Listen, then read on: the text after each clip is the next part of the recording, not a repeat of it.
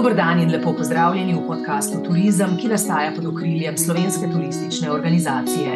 V njem obravnavamo aktualne tematike, tako slovenskega, kot tudi globalnega turizma. Pogovoru vabimo navdihujoče posameznike, ki delajo v turizmu, z njim živijo in o njem razmišljajo. Lepo zdrav in dobrodošli v podkastu Turizem. Pred začetkom 16. strateškega foruma na Bledu, ki velja za vodilno mednarodno konferenco v srednji in jugovzhodni Evropi, smo se pogovarjali z Alessandro Priante, direktorico regionalnega oddelka za Evropo pri Svetovni turistični organizaciji. V spredju pogovora so bili izzivi povezani s prihodnostjo evropskega turizma in priporočila za delovanje podjetij in destinacij v tem izjemno zahtevnem obdobju za globalni turizem.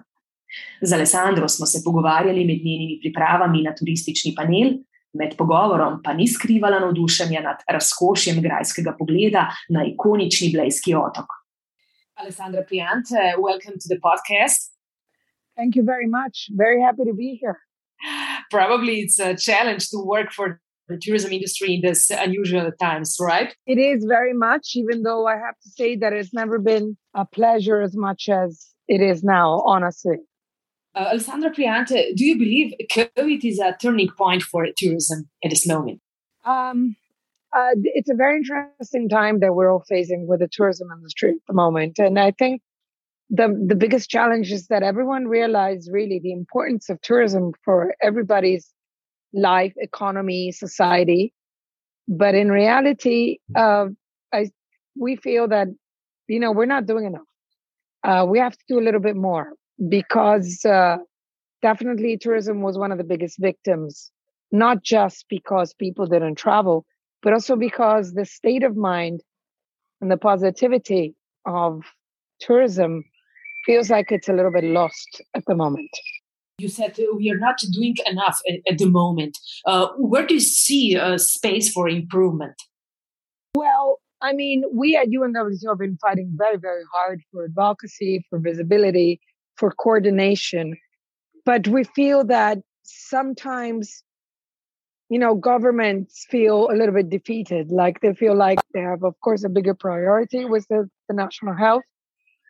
And uh, it's tough. And the thing is, we promised each other that we were going to do it better, that we were going to coordinate, that we were going to work together stronger. But uh, it seems like it's a little bit more difficult than we thought. Mm-hmm. Are we able to move to new key performance indicators, uh, or do we just want to reach the, the 2019 figures?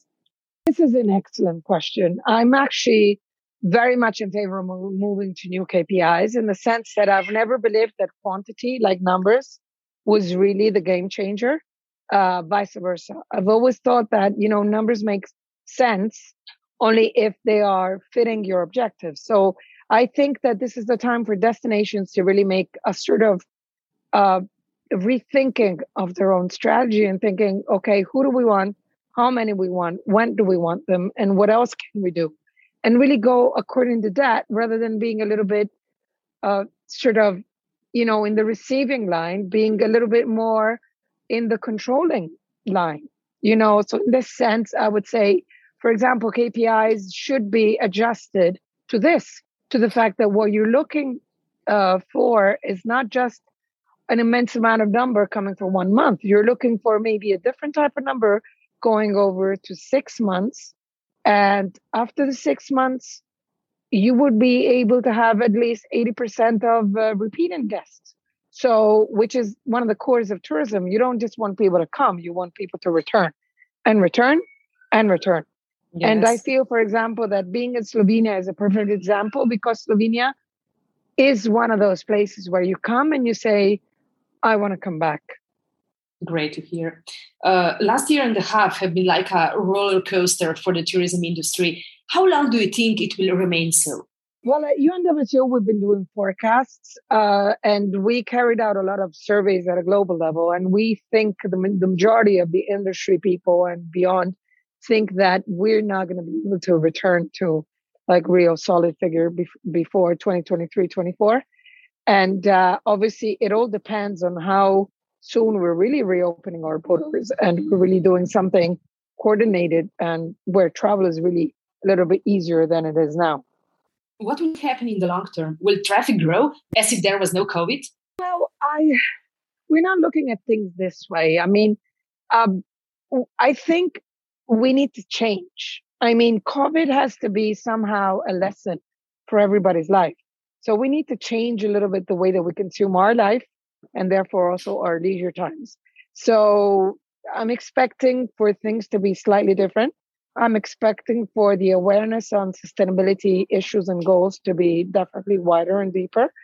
And uh, therefore, I'm expecting things to be different. I mean, we all understood that uh, nature and everything else had to be in the in the heart of the objectives rather than you know abusing. We needed to be a little bit more in respect.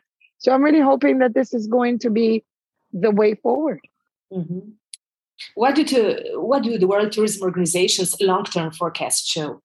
Well we are our long-term forecast obviously cannot exceed a certain amount and uh, uh, when nobody was expecting covid. So we are we cannot forecast as as much as we would beyond a certain element. Mm-hmm. So the idea is that we would uh, definitely see, depending on, as I was saying before, how how much they're reopening borders, we would definitely see a much larger uh, impact in the in the rebound of tourism starting 2023 24 onwards but obviously with uh, such a narration with the beginning of this and that obviously it's you know, I, we cannot really sit and wait for the next variant to come. We need to be a little bit more proactive and positive. The European tourism market doesn't work as a unified market in terms of unified protocols. Why and who is responsible for that? And what should be the next steps? Um, well, you know, it's interesting because we've been pushing uh, and working as well at a global level for coordinated protocols because obviously we're a global agency. So European Union is dramatically important for the example that it serves, but in reality, then you have Africa, and then you have Asia, and then you have the Americas. So it's really not that easy to find a common a yeah. common path. You have the Middle East, Russia, you know, all big markets, especially for Europe, uh, which at the end of 2019, I would like to remind all was holding 51% of the international tourism arrivals. So um, I mean, we really need to look for a common language, something very, very rational, which is definitely much more rational now, because we feel that what has happened now is that the Green Pass, for example, which was out there supposedly facilitating travel, has now been used, obviously, as a national tool uh, to basically, you know, talk about access. So be, from being the, the tool that would facilitate travel between borders, it's actually become the tool that is allowing people in and out of the toilet or of the restaurant. So it that is really a little bit misleading. So I feel that the conversation needs to be taken forward and needs to enlarge itself and definitely embed the Asian countries, the African countries, the South American countries, the Northern American countries. We really need to discuss. I mean, Look at England. I mean, the UK is a huge market for many, many destinations in Europe. For example, Slovenia. I mean, now the UK is out of Europe. Hmm. Uh, we really need to sit and talk to make sure that this sort of, you know, quarantine, red list, blacklist, whatever, you know, makes sense. Otherwise, we're just punishing for no reason entrepreneurs who based all their life on mm-hmm. tourism. Alessandra Priante, uh, overseas markets are essential for European tourism. At the same time, the European market is a driver for tourism development in Asia. In the corona times, we can see a huge drop in tourism arrivals, which is painful for Europe and for the Asian market. How will Asian tourism be affected due to the lack of European tourists? I would definitely say the opposite. I mean, Asian tourists cannot come to Europe because when they go back, they have to quarantine in a hotel where they cannot see anybody for 14 days or even more. So there's a punishment. So Asian tourism now is redeveloping within Asia. And uh, European tourism is redeveloping within Europe. So what is happening at the moment is the transnational borders are really not a big, you know, uh, attractive factor. But uh, I think that this has to give us time to think seriously. Uh, I'm going to be a little provocative if you allow me. I mean, we've been talking in Europe a lot about Chinese tourists, okay? Everyone mm-hmm. at a point in time needed say was saying, you know, oh, Chinese tourists, oh, we need to have one million Chinese, two million Chinese, ten million Chinese. And my question was always, but do you want one million Chinese tourists? So back to what I was saying before, this is really the time to think, okay, is your destination uh, a great destination for Asian tourists? And what type of Asian tourists do you want? I mean, Asia is such a wide uh, region. So what are you going to do? What are you going to offer? And who are you looking for? I think, as I said before, this is really a time not to be wasted. It doesn't really matter who's the target, it matters who you are. I mean, if this was your house, would you just let anybody indiscriminately in your house, or would you select your guests and go by who you think would appreciate your interior design, your food, uh, your beauty, and that they would do exactly what you would do? So I think that is definitely the key that we need to uh, put in into the into the game. It's not anymore a break even. We're looking at something at a longer term where tourism needs to return being the driving force for positive economy growth in the world. Yes, as you said, it's time to rethink but it probably it will be difficult for tourists to decide for trips to distant overseas destination even after the end of the corona crisis. Definitely trust has been uh, deeply affected and uh, nobody really feels very safe to travel uh, uh beyond a certain distance. But um, tourism is, is exactly the opposite of what we've been experiencing with corona. Tourism is about trust is about no barriers is about going into the unknown with not big limitations. And uh, now with the corona measures, we learned exactly the opposite that we needed to be distant, that we needed to, you know, not trust the unknown and just stay close to our family. So I think there's a lot of, as well, sort of emotional work that we need to do from scratch. But I'm also very positive that the way the tourism rebounds is also a little bit magic. So I'm very hopeful that things will really get back to normal because there's nothing that beats a direct life experience. I never believed in anything virtual and artificial intelligence. I can't wait to go properly back to the office, properly back to traveling, even though at UNWTO we're lucky enough to have basically never stopped traveling because we also need to make a statement that travel is safe. But uh, I I have a lot of faith that we can really go back to tourism as really a positive element in our life, and also why not a driving force for peace and understanding between people. Digital and sustainability are one of the key transformations. Uh, Alessandra Priante, how does the UNWTO see Europe's digital and sustainable transition? I mean, is European tourism fast and agile enough? Does it include the whole value chain? Well, it is. I have to be honest with you. Uh, digital and uh, the digital transformation has been taken very seriously by the European countries, talking the EU 27. But uh, the digital transformation is not just, uh, you know, making sure that, for example, there's a digital offer or there's somehow an advance in in managing uh, revenues. A digital transformation for us in UNWTO is mostly also training uh, we've been creating, we've been very focused in creating an ecosystem of startups at a global level and also of launching and supporting online training, online education, because uh, digital offers us different tools, but we shouldn't forget the main objectives. And definitely education and training are very important objectives because tourism is second to nothing when it comes to a profession for the future. So we would really like to uh, respond to the cry of help of the whole of the tourism sector, which this year especially has been experiencing a lack of uh, professional staff who'd been supporting their touristic activities. Mainly one of the reasons why many hotels couldn't open.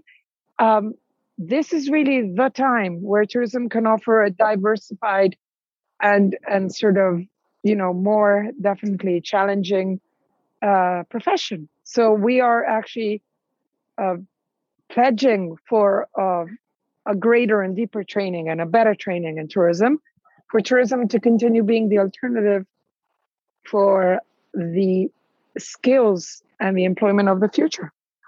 Uh, before you said uh, tourism is about the trust. So, Alessandra Priante, share with us your opinion. What are the five most important changes in European tourism in the future?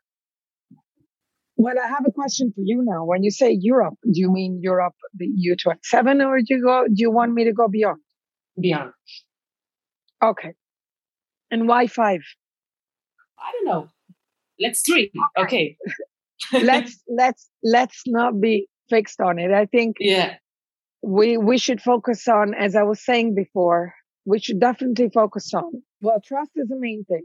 So building back trust also means a greater cooperation, which is the second thing, between demand and offer, between destinations and government, between public and private sector, but also between countries. This is really not the time to compete with one another. This is the time with to learn from one another and to lobby with one another. The third thing would definitely be to be a little bit more aware. So to push for greater knowledge and greater, greater science, so more data, more, uh, whether big or small, data are fundamental to make good decisions. Uh, and the other uh, things that I would mention is definitely education and training. So skills, which is uh, something that we should really focus on. And last but not least, is to rediscover ourselves through tourism. So the other thing that we really need to do is to recognize how important tourism is for all of us at any level, at every age. So, you know, in neurosciences, when you're growing up and you're very, like in your or very, very early years, your they say that the, your neurocognitive approach develops some memories and I think that with tourism, we're very responsible for the memories we create in other people. So I give you an example. Now I'm in front of the of I'm in uh, with the fantastic mayor of Bled in the restaurant of the castle of Bled, overlooking the breathtaking view that no words can describe. And there is a small little baby in front of me. She must have been, I don't know, she must be, I don't know, six months maybe not even seven months. Uh, her memories and her view, even though she's not realizing, but what is there is developing her neurocognitive, uh, you know, setting. And this will shape her as a person forever. Wherever we go, whatever we absorb, is actually something that contributes to our development. And let's not forget one thing uh, things are done by people. So when someone is feeling and thinking something, things are done in a certain way.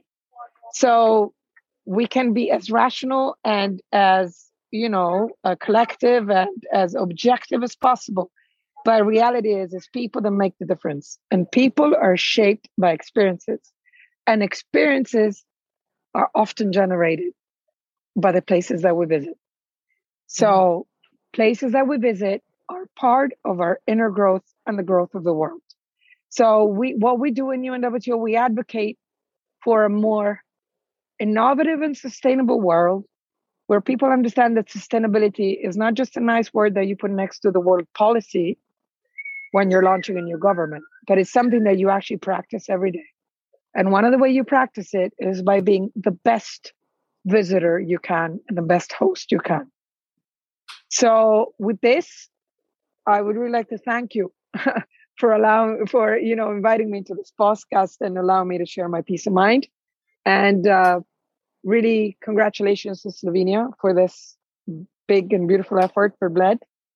Uh, I'm really looking forward to contribute to the discussion, and I think we should continue having many more meetings like this. Alessandra Priante. On 27th of September, we celebrate World Tourism Day. This year theme is Tourism for Inclusive Growth. What is the main message that UNWTO wants to highlight this year? Well, inclusive growth, I I think there wouldn't be a better timing to really understand its mean its meaning because inclusive growth means not leaving anybody behind which is really much more important now that we're all facing a, a global tragedy where we really need to step up and become stronger than ever. And uh, the growth has meaning inclusive. It really means that we really have to include everything and everybody and not forget anything in our path. What is the role of the of Europe for the tourism sector in the short term and in the long term? Europe will forever be the example for the growth of the tourism sector. Everyone's going to look at what tourism, uh, Europe does for tourism and for everything else. So I think that Europe needs to understand this because there are some moments where I doubt that they really feel the responsibility of being the example for the rest of the world. But we at UNWTO will continue doing that and making sure that they remember how much it's worth. Whatever it's done in Europe is imitated in the rest of the world. Yeah. The tourism industry is significantly affected by the COVID 19 crisis. For the end, is the crisis also an opportunity for tourism? Well, as I said before, yes, it is. It has to be because uh, it has to be, has to be a lesson learned. I mean, if we let this go and just go back to the same mistakes we were making before, it means uh, we don't even deserve the beauty and the outcomes of tourism that we have. Definitely, we have to learn. Absolutely.